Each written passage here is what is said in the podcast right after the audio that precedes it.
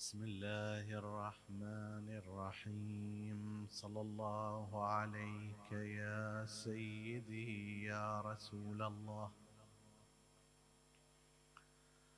صلى الله عليك وعلى ابن عمك أمير المؤمنين وإمام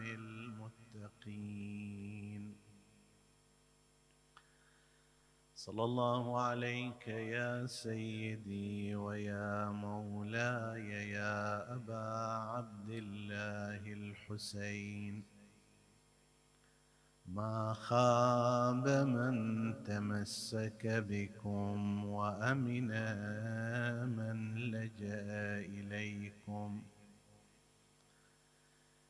يا ليتنا كنا معكم فنفوز فوزا عظيما. عجبا للعيون لم تغد بيضا لمصاب تحمر فيه الدموع. وأسى شابت الليالي عليه وهو للحشر في القلوب رضيع. يوم أرسى ثقل النبي على الحتف فخفت بالراسيات صدوع.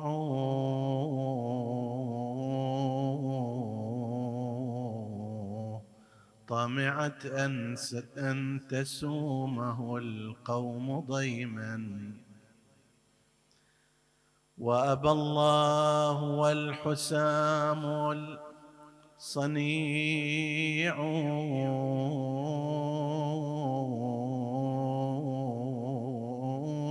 كيف يلوي على الدنية جيدا؟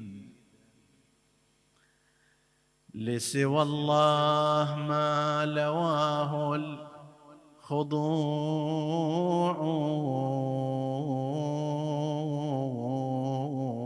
فتلقى الجموع فردا ولكن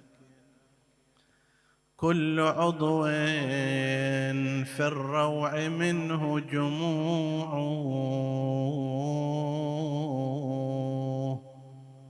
حده من بنانه وكأم عزمه حد سيفه مطبوع. بأبيك لأن على الطف خدرا هو في شفرة الحسام مني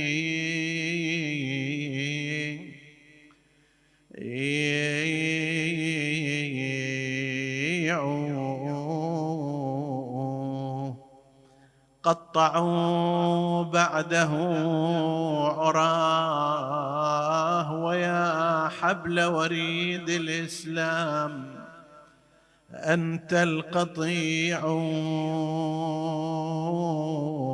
وسروا في عقائل الوحي أسرى. وعداك ابن أمها التقريع. لو تراها والعيس جشمها الحادي. من السير فوق ما تستطيع فترفق بها فما هي إلا ناظر دامع وقلب مروع لا تسمها جذب البراء وتدري ربة الخدر ما السرى ما النسوع لكنما الأمر لله لا حول ولا قوة إلا بالله العلي العظيم. إنا لله وإنا إليه راجعون. وسيعلم الذين ظلموا اي منقلب ينقلبون. والعاقبة للمتقين. عطروا مجالسكم بذكر محمد وآل محمد.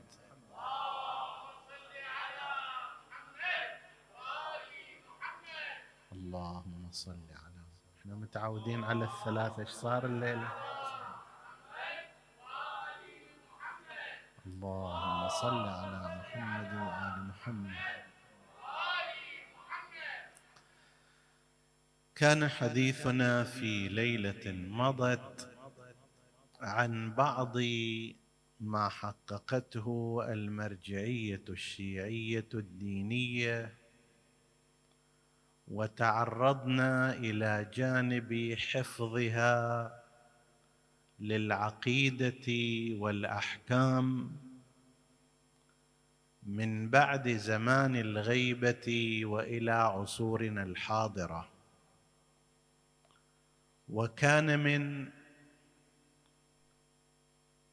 أوجه ذلك هذه التحقيقات المعمقة التي قام بها مجتهدو هذه الطائفة وفقهاؤها ومراجعها في كل مسائل الفقه التي تزداد يوما بعد يوم وتشتد إليها الحاجة سنة بعد أخرى وهذه تحتاج إلى الكثير الكثير من البحث والتحقيق وقد اطلع مراجع الدين وفقهاء الإسلام بهذه العملية على أحسن وجه. أشرنا أيضا إلى أنه ما يقال أحيانا مما ظاهره الاستخفاف بالأحكام الشرعية هذا مما لا ينبغي فإن الحكم الشرعي نطق عن الله عز وجل وعن رسوله وعن المعصومين عليهم السلام وهو في أقل الفروع الفقهية في أعلى درجة من القيمة والاهتمام. ولذلك عندما يقول بعضهم أننا مشغولون بمسائل الحيض والنفاس والطهارة والنجاسة هذا ينبغي أن يحمل على عدم معرفة القائل بمنزلة الحكم الشرعي. وإلا هذا هو عمل النبي وعمل الإمام وحديث أهل البيت هو في هذا الإطار. كذلك ذكرنا أيضا أنه تحت رعاية المرجعية الدينية وبها تم الرد على الشبهات من خارج الدين كشبهات الملحدين ومن داخل الأديان كشبهات وإشكالات الأديان الأخرى كالمسيحية واليهودية ومن داخل الدين الإسلامي كالشبهات المذهبية التي يطرحها سائر المذاهب على شيعة أهل البيت عليهم السلام. كل هذه الأمور كانت المرجعية الدينية بمثابة السور الحامي والحصن المنيع تماما كما قال إمام إمامنا موسى بن جعفر الكاظم عليه السلام الفقهاء حصون الإسلام كما أن المدينة تحتاج إلى سور يحميها فهم سور الإسلام. أشرنا أيضا إلى أن مما قامت به وتقوم به المرجعية الدينية إنشاء ونشر وتطوير الحوزات العلمية والحوزة العلمية هي البيئة التي يتوالد فيها العلم الشرعي والديني بكافة فروعه وأشكاله. وأيضا كان للمرجعية الدينية دور في حماية إيمان المؤمنين في داخل بلاد الإسلام وفي خارجها عبر المؤسسات والمساجد والحسينيات تمويلا وتشجيعا وتوجيها إلى غير ذلك. هذا كله حديث مضى حديثنا هذه الليلة يتناول نقطتين. النقطة الأولى دور المرجعية الدينية في حماية ورعاية الكيان الشيعي. والنقطة الثانية دور المرجعية الدينية في حماية استقلال الأمة الإسلامية ووحدتها. بالنسبة إلى النقطة الأولى وهي حماية الكيان الشيعي نحن نعلم أن شيعة أهل البيت عليهم السلام في تاريخ الإسلام في أفضل الأحوال كانوا تحت الظل بالنسبة إلى الحكومات إن لم يكونوا في بعض الفترات في حالة المواجهة. المذهب الآخر انسجم مع الحكومات والحكومات المسلمة انسجمت معه ورتبت كل شؤون الإسلام على ضوئه بحيث أصبح المذهب الآخر هو صورة الإسلام عند الناس. يتخادم السلطان مع المذهب الرسمي هذا يدعم ذاك وذاك يدعم هذا وهذا يحمي ذاك وذاك يحمي هذا وبالتالي بقي سليما وآمنا اعني المذهب الآخر. وأما التشيع ففي كثير من الأحوال كانت الحكومات المسلمة على خط العداء والمواجهة معه. لم تنتخبه لم تختره لم تدعمه بل في كثير من الأحيان واجهته وقاومته وحاربته وحاصرته إلى غير ذلك. طيب هذا المذهب بما خلفه من أتباع هذا الكيان بما يشكل يحتاج إلى حماية يحتاج إلى رعاية يحتاج إلى حفظ. نحن نفترض أن الإمام المعصوم لا يمارس فعله المباشر دائما بصورة واضحة كما كان آباؤه الكرام. وإنما هو غائب أو نحن غائبون عنه فاذا هذا الكيان الأتباع هذا المجتمع هذه البيئة تحتاج إلى من يرعاها. من الذي يرعاها؟ كانت المرجعية الدينية ترى نفسها معنية برعاية هذا الكيان الشيعي في كل الأوقات بشتى الوسائل والطرق وحسب الإمكانات المتوفرة. مقارنة بسيطة روايات تعطي إشارات. عندنا بعض الروايات كما عن الإمام زين العابدين عليه السلام أنه كان يقول ما بمكة والمدينة عشرون ممن يحبنا.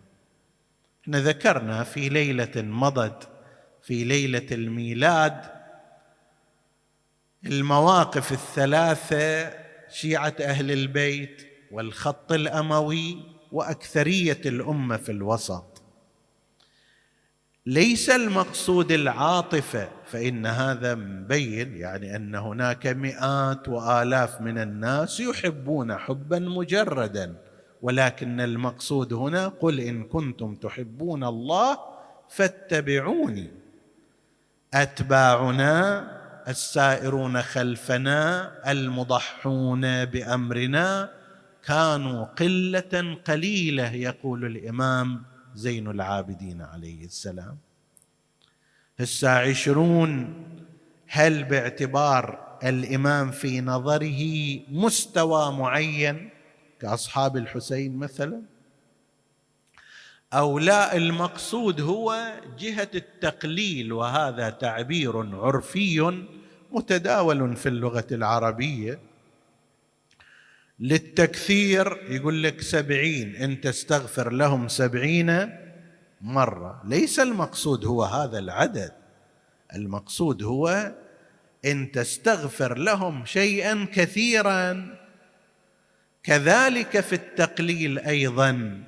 عندما تريد أن تعبر عن شيء قليل ليس بالضرورة أنك تعني حرفيا هذا. فتقول كنا على أصابع اليد الواحدة بينما قد يكون هناك عشرين شخص. قد يكون هناك خمسة عشر شخص. القصد من هذا هو أنك تعبر عن بتعبير معين عن تقليل العدد. زين. سواء هذا المعنى الأول أو المعنى الثاني الإمام عليه السلام يريد أن يقول الفئة التي نحتاجها ويمكن أن تنصرنا ومثال ذلك أيضا في عهد الإمام الصادق عليه السلام أن رجلا جاء إليه وقال يا أبا عبد الله لا عذر لك وعندك مئة ألف سيف في ألا تنهض. ليش ما تتحرك؟ عندك مئة ألف سيف لازم تتحرك إذن. فأشار إلى تنور قال له ادخل هنا فهذا المسكين اسقط في يده. أراد أن يقول له هاي المئة ألف سيف فيهم أشخاص نأمرهم بأن يخوضوا النيران فيفعلون ذلك أو لا؟ إذا ما كان هالشكل فلا معنى لمئة ألف سيف. الحاصل أنه في تلك الفترات فترة الإمام الحسين عليه السلام زين العابدين صلوات الله عليه كان العدد عددا قليلا. زين. بتخطيط أئمة الهدى عليهم السلام وبرعاية الفقهاء من بعدهم في زمن الغيبة هذا العدد الضئيل هذا العدد القليل هذه الفئة المحتقر عددا وقوة وغير ذلك في أيامك هذه تتحول إلى قوة تتناصف التأثير مع كل المسلمين. اليوم عندما يعد العالم يعد العالم فئات المسلمين يقولون أتباع أهل البيت عليهم السلام وفي الطرف الآخر أتباع مدرسة الخلفاء. تأثير هؤلاء إن لم يكن أكثر من تأثير أولئك فلا يقل عنه كثيرا. عددهم إن لم يقرب منه فلا يقل منه كثيرا. من الذي صنع هذا؟ وكيف تحول أولئك الذين ما بمكة والمدينة عشرون ممن يحبنا إلى أن تحولوا مثلا إلى نصف مليار في هذه الأزمنة. إلى أن تحولوا إلى مرجعيات دينية إذا قالت كلمتها لا يوجد أي مرجعية دينية مسلمة على وجه الأرض تؤثر أثرها وتفعل فعلها. كفاءاتهم قوتهم قدرتهم انتشارهم. اليوم يتحدثون عن أن الإسلام هو أسرع الأديان حركة في الانتشار وفي داخل الإسلام التشيع والمذهب الإمامي أسرع المذاهب حركة وانتشارا في داخل الدين الإسلامي. من أين جاء هذا؟ لا ريب هناك نقاط قوة أساسية في نفس المذهب وهذه لها حديثها الخاص. ولا ريب أن ما صنعه أئمة الهدى عليهم السلام كان المؤثر الأكبر ومن ذلك تخطيطهم لبناء المرجعية الدينية كما تحدثنا في ليال مضت. فهذه المرجعية الدينية حافظت على هذا الكيان رعت استمراره مشت في حقول الألغام التي وضعت له في طول التاريخ وأقلها كانت الحروب الطائفية. حرب طائفية كانت في فترات متعددة تفتعل لاستئصال المذهب وأتباعه والقضاء عليه قضاء نهائيا. لكن وجود هذه القيادات الحكيمة والواعية والمتورعة استطاع أن يعبر حقول الألغام هذه قائدا جماعات التشيع وكيان المذهب إلى أن أوصله إلى ما نجد في هذه الأيام. فواحد من الأمور أن. أن المرجعية الدينية الشيعية حفظت كيان مذهب التشيع كانت قيادتها لأتباع المذهب على امتداد هذه السنوات قرابة 12 قرن من الزمان كانت قيادة حكيمة استطاعت أن توصل هذا المذهب إلى ما وصل إليه الآن. أنت لو تقارن تشيع مع سائر المذاهب الأخرى الخوارج كانوا في زمانهم قوة كبيرة جدا. الخوارج تطاحنوا مع الدولة الأموية ووقفوا في وجه الدولة الأموية ثم في وجه الدولة العباسية إلى فترات طويلة بنوا دول الخوارج. ولكن أين الخوارج اليوم؟ أكو هناك كمذهب ولكن أين تأثيرهم وأين قيادتهم بالقياس إلى مثل مذهب أهل البيت عليهم السلام؟ وهكذا الحال بالنسبة إلى سائر المذاهب الأخرى. نحن نعتقد أنه بالإضافة إلى نقاط القوة الأساسية التي كانت في مذهب التشيع والتي لا يمتلكها غيره إضافة إلى ذلك كانت المرجعية الدينية وهي تخطيط وترتيب الأئمة المعصومين من زمان حضورهم. كان لذلك الدور الأكبر في وصول هذا المذهب والطائفه والأتباع إلى ما وصلوا إليه. النقطة الأخرى التي نتحدث فيها هي دور المرجعيات الدينية في الحفاظ على وحدة الأمة وعلى استقلال الأمة. وهذا أمر يعني كما يقولون فيه جدلية خاصة في نفس الوقت اللي المرجعية الدينية حافظت على كيان المذهب والطائفة في نفس الوقت أيضا حافظت على وحدة الأمة. هذا شلون يصير؟ في نفس الوقت جمعت الأمة وسعت في ذلك ما استطاعت. وهالمقدار من الهدوء الموجود في الأمة على مستوى عامة الناس لولا أن المرجعية الدينية في فتراتها التاريخية المختلفة كانت تمارس الحكمة لكان المسلمون طحين الحروب في كل فترة من فترات الزمان.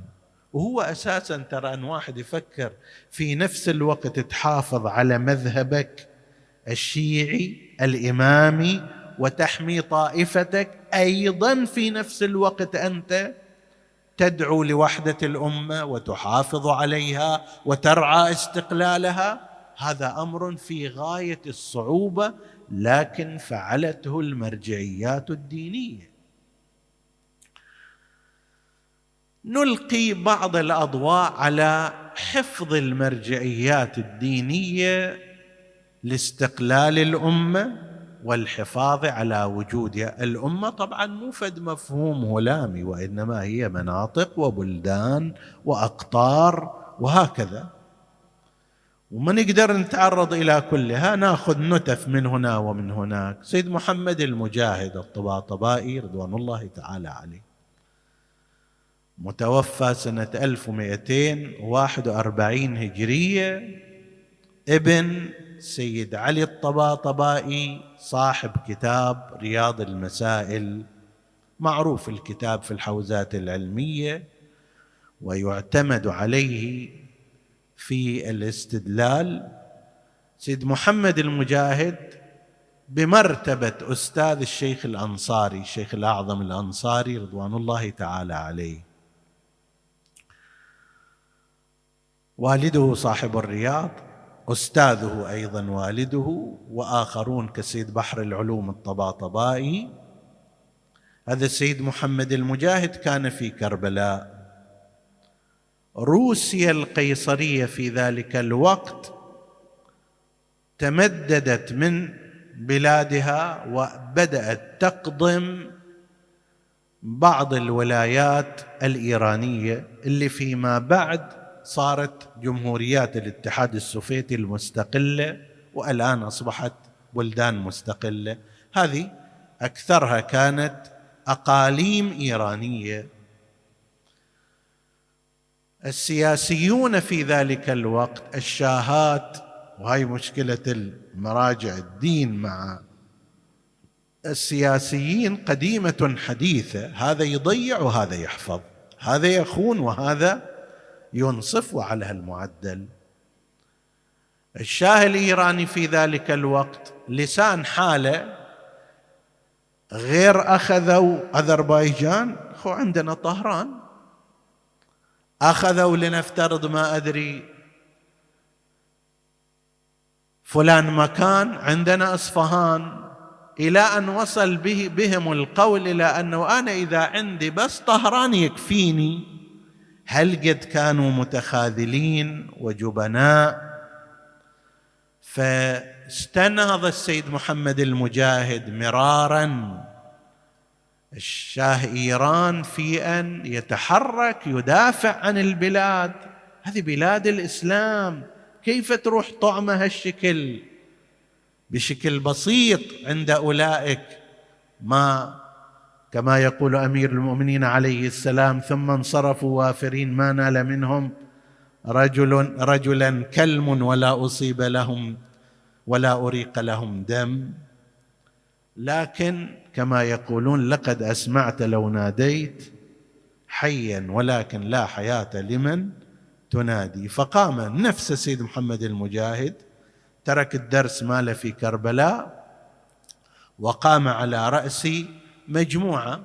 أي واحد يريد الجهاد هلم معي. نذهب إلى بلاد إيران لكي نواجه الجيش الروسي المحتل لبلاد المسلمين وهذا واجب من الواجبات على كل واحد. طيب تحرك وياه جماعة أيضا وانصرف إلى ذلك المكان لكن الدولة كانت في واد آخر وما كان هناك لا استعداد وما كان هناك صيانة للأرض بل صارت الخيانات حتى كاد نفس السيد محمد المجاهد أن يذهب ضحية هذه الخيانات. فكر راجعا إلى كربلاء.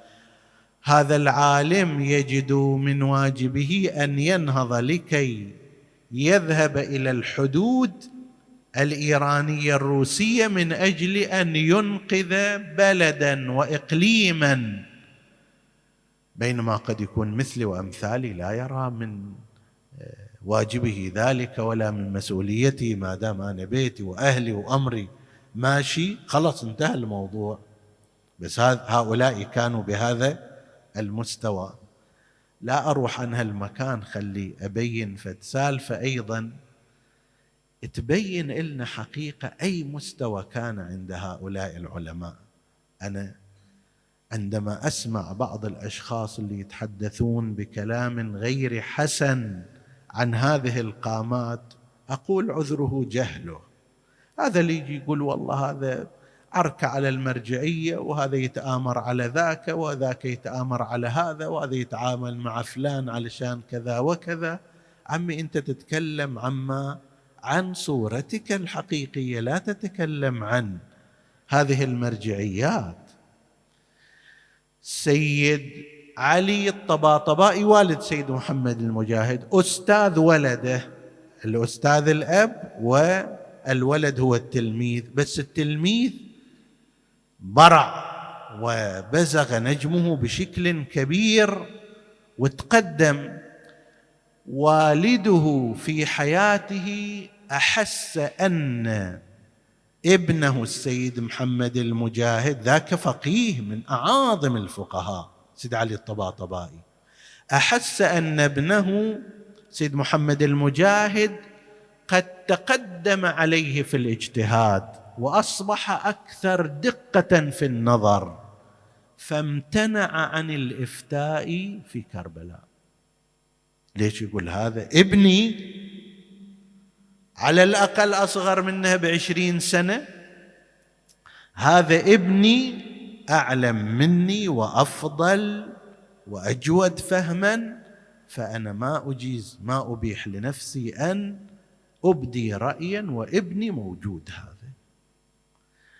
الابن لما شاف هالشكل أحس أن والده قاعد يتراجع عن الإفتاء والتصدي باعتبار ان هناك موجود الأعلم منه في رأي الوالد.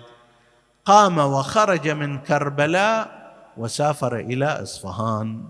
بقي 12 سنة في إصفهان حتى لا يعني هو لم يكن يرى نفسه أعلم من والده. الوالد يراه أعلم هو لا يرى نفسه كذلك. بس حتى لا والده يترك الإفتاء والتصدي قام طلع من كربلاء وذهب إلى إصفهان. 13 سنة بقي إلى أن توفي والده رجع من جديد إلى كربلاء. هذه هي النفسيات وهذه هي الأخلاقيات والقيم. ذاك الوالد يشوف ابنه أعلم منه فيترك الإفتاء. الولد يشوف أن الوالد لا يزال هو الأعلم والأفضل فحتى لا والده يترك الإفتاء والتصدي يقوم يطلع من كربلاء ويروح إلى إصفهان. هذا السيد محمد المجاهد رضوان الله تعالى عليه. سمي بالمجاهد أيضا لخروجه من كربلاء لقتال الروس في قضية الجهاد.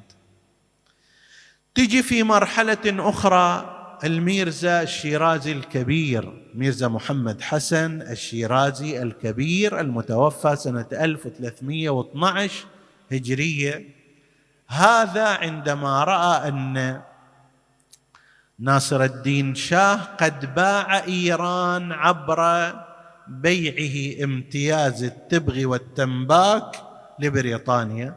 يعني أعطى بريطانيا حسب التعبير الخيط والمخيط. كل الاقتصاد صار بيده في مقابل أنه هو يستلم سنويا عشرة آلاف ليرة ذهب زين؟ أي لو, لو يلموها إلى في الحسينية حسب التعبير يحصلون إلى هالمقدار. بس بعد هذه النفوس الضعيفة هي هكذا. فنصح من قبل الميرزا وأرسل إليه رسلا أن هذا خطير تمكين البريطانيين بهذه الطريقة من اقتصاد البلاد. يعني انت تسلم رقبتنا رقبه المسلمين بيد هذا المستعمر الفتاك الشرس لم يقبل بذلك فأصدر الميرزا الشيرازي الكبير فتواه المعروفة استعمال التنباك في هذا الزمان محاربة لصاحب العصر والزمان. فامتنع المؤمنون وهم أكثرية أهل إيران المقلدون للميرزا الشيرازي من استعمال التنباك. ما حد يشتري خلاص. لا حد يشتري لا حد يبيع لا حد يدخن لا حد كذا. خلاص وقفت التجارة هذه كلها.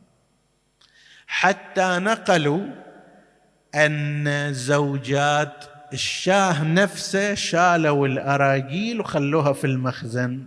هذا إجا شاه إيران على وقته اللي يريد يدخن الأرجيلة. طلب أرجيلة قالوا له ماكو أحد يسويها أنت تريد تقوم سوي لك.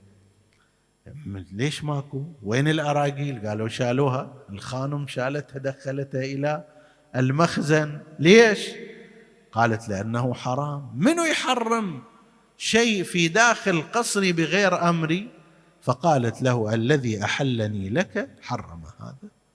فما ممكن أن فسقط بعد ذلك هذا الامتياز والاحتكار وانتهى. هذا الميرزا الشيرازي الكبير في العراق.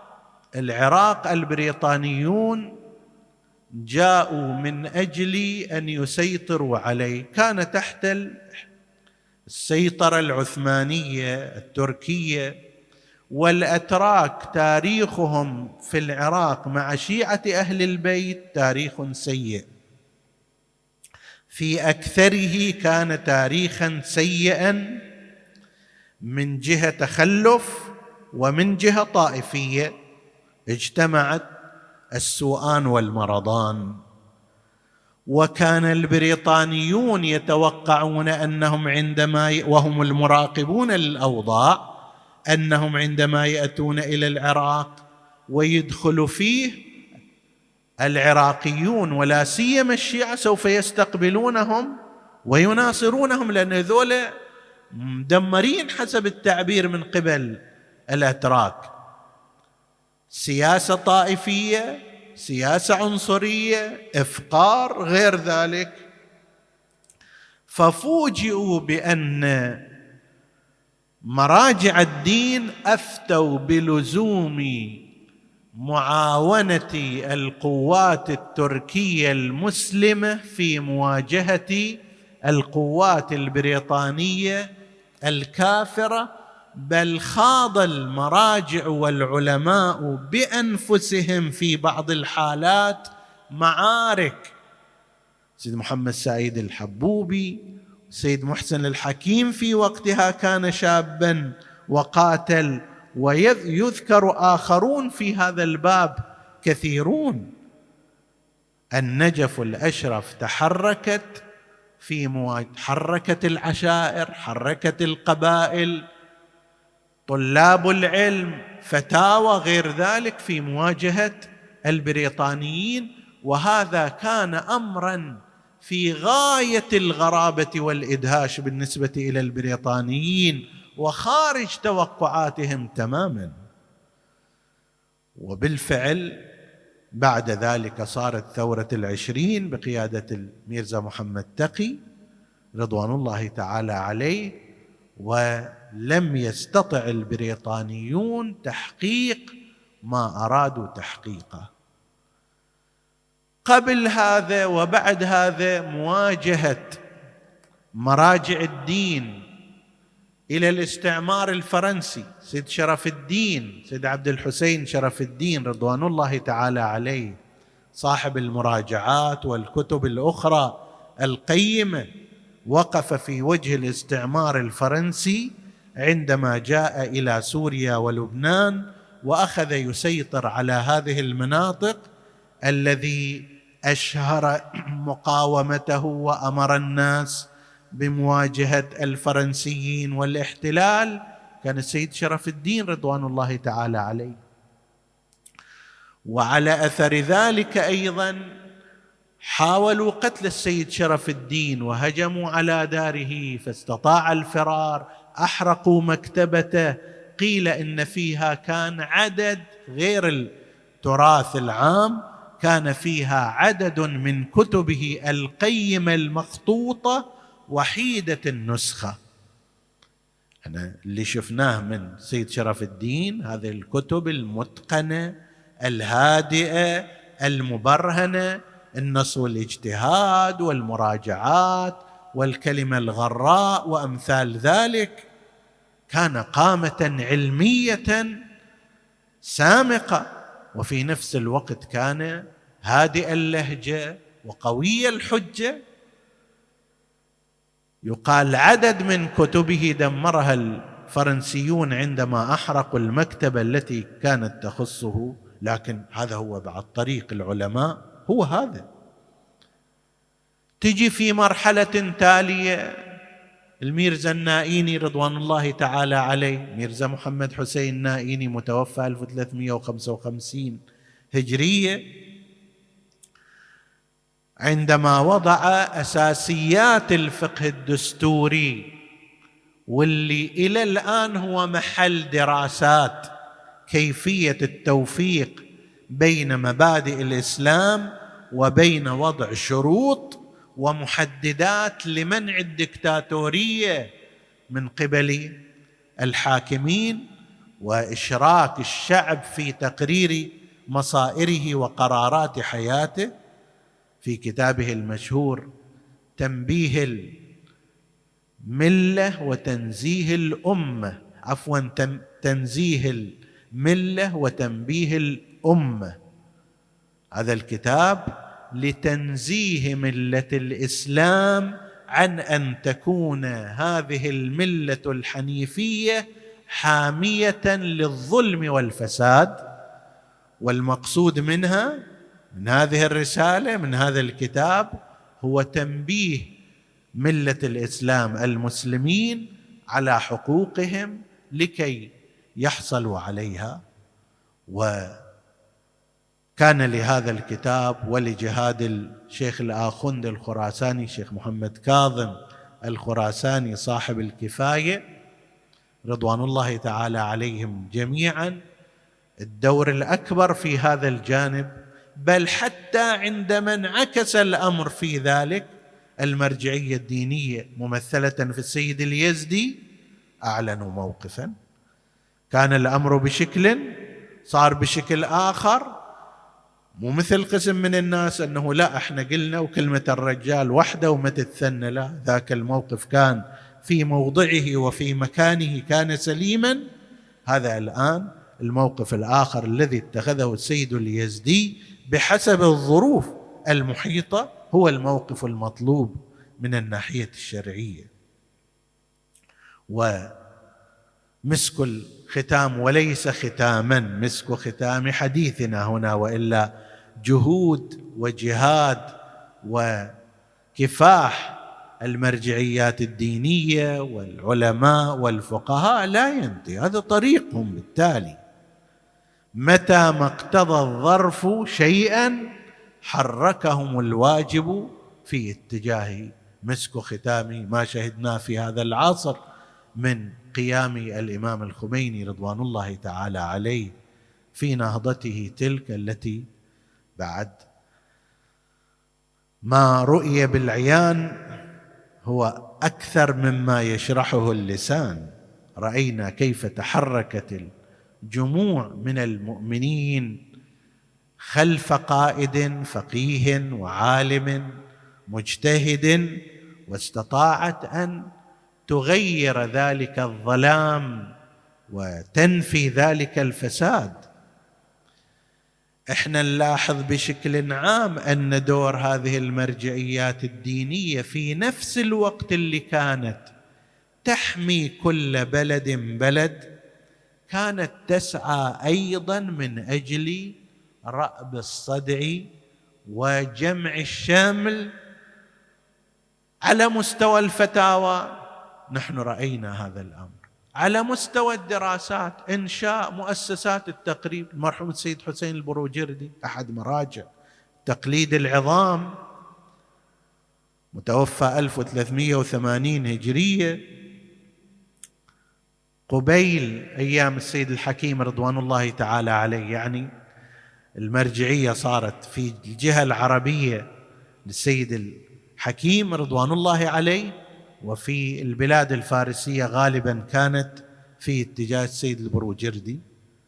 سيد حسين البروجردي من تلامذة الاخند الخراساني وهو فقيه من الطراز الأول أنشأ مؤسسات دور التقريب وهذا مو باعتبار أنه الشيعة يحتاجون إلها لا هذا خط استراتيجي.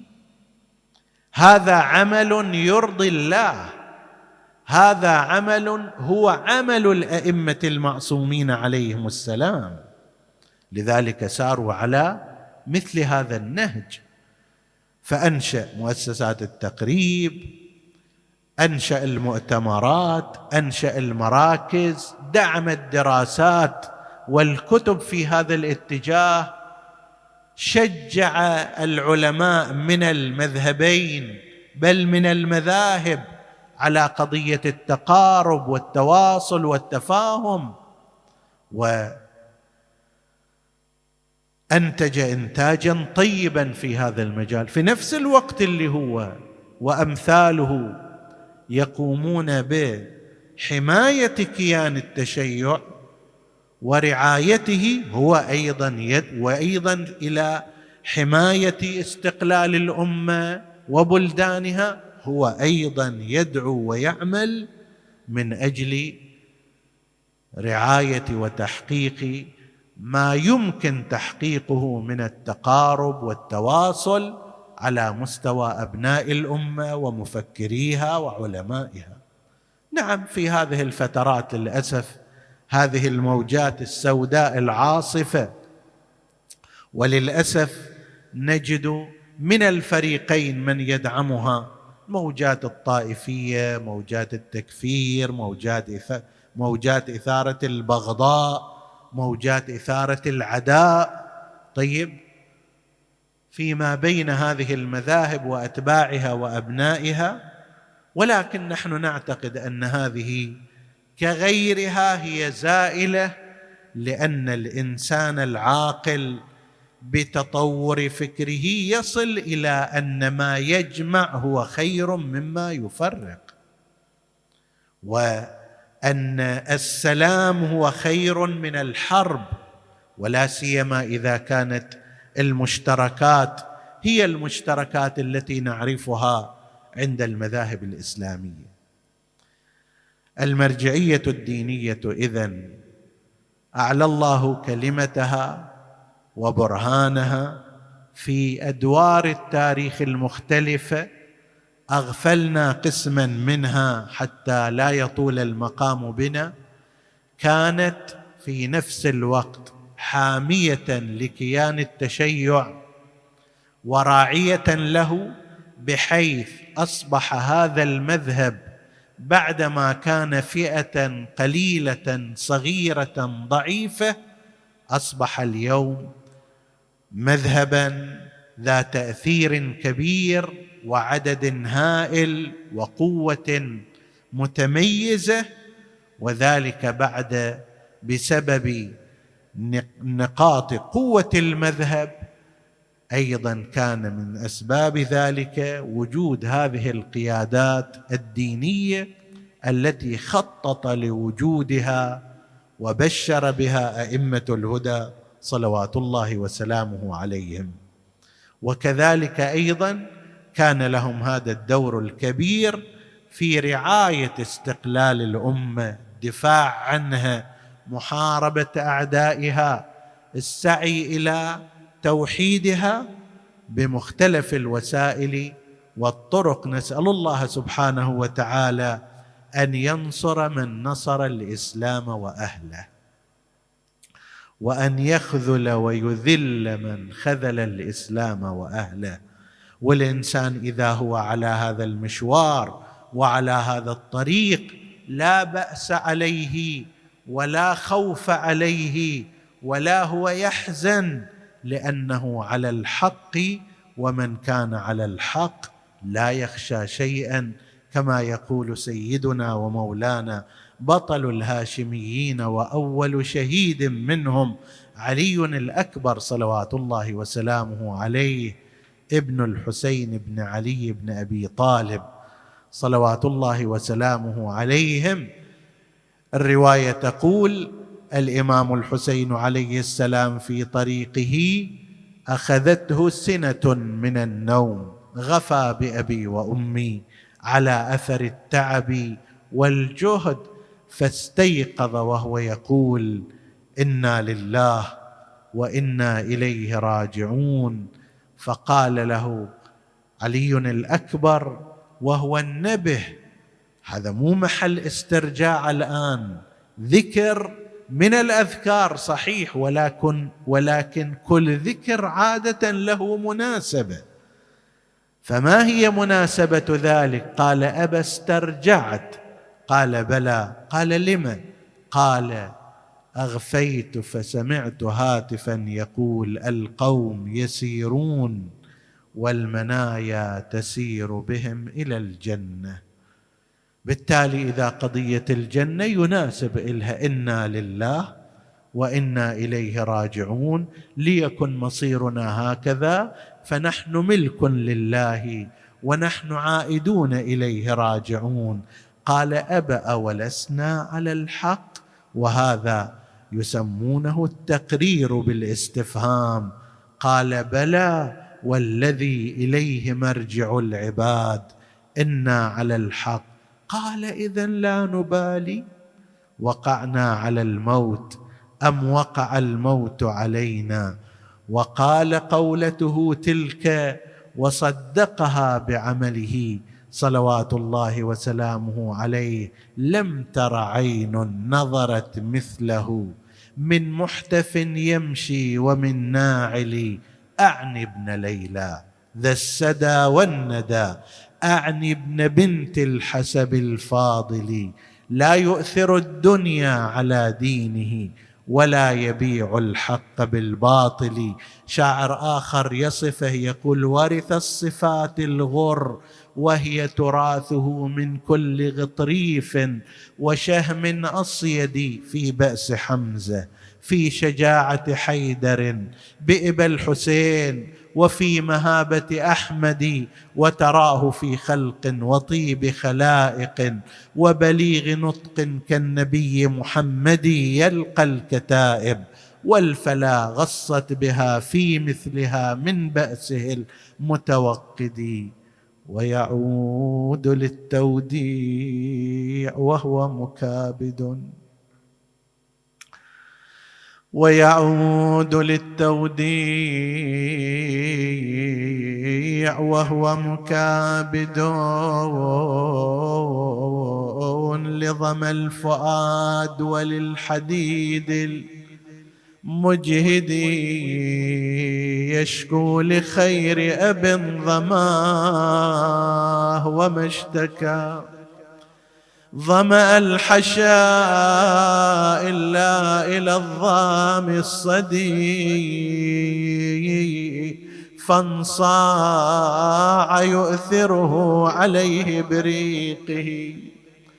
لو كان ثم طريقه لم يجمد رجع إلى الحسين أبا يا أبا العطش قد قتلني.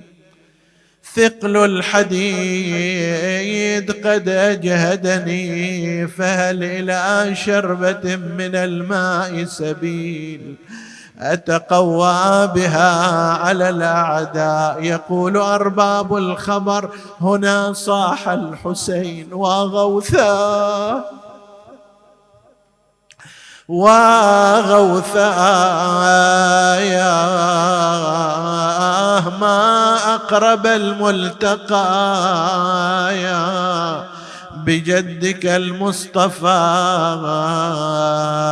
بني ارجع إلى القوم ما هي إلا ساعة حتى يسقيك جدك من كأسه الأوفى. شربة لا لا تظمأ بعدها أبدا. يا رجع إلى القوم أخذ يقاتلهم قتال الأبطال. بينما هو كذلك وإذا بلعين يضربه من خلفه على رأسه اوغل الفرس فيه في القوم فانثالوا عليه هذا يضربه بسيفه. ذاك يطعنه برمحه هوى إلى الأرض صريعا وقد قطعوه إربا إربا. نادى أبا يا أبا عليك مني السلام. هذا جدي قد سقاني بكأسه الأوفى يعني أبوي لا تخاف علي أنا رحت ريان. قد سقاني بكأسه الأوفى شربة لا أظمأ بعدها أبدا. جاءه ووقف على مصرعيه يا بويا من سمع يمك ونينايك. ياك ومن شبحت لعند الماء. الماء تعب يا بل العشرين ما وصل سنين ياك حاتفني عليك الدهر لقشر يا ابويا قول منو الطبر راسك وياه الخمد انفاسك. دقلي دقلي من سلب درعك وطاسك. يا أبويا شلون أشوف أنك مطبر؟ ابني هل لك عودة. حتى أقول مسافر كنت السواد. لناظري فعليك يبكي الناظر. نسألك اللهم وندعوك باسمك العظيم الأعظم الأعز الأجل الأكرم. يا الله. اغفر لنا ذنوبنا كفر عنا سيئاتنا آمنا في أوطاننا. لا تسلط علينا من لا يخافك ولا يرحمنا. ولا تفرق بيننا وبين محمد وآله طرفة عين. احفظ اللهم إخواني السامعين فردا فردا واقض حوائجهم. اشف اللهم مرضاهم لا سيما المرضى المنظورين ومن أوصانا بالدعاء. وفرج اللهم عن إخواننا المكروبين فرجا عاجلا قريبا. تقبل اللهم عمل المؤسسين بأحسن القبول وإلى أرواح موتاهم وموتى السامعين نهدي ثواب الفاتحة تسبقها الصلوات.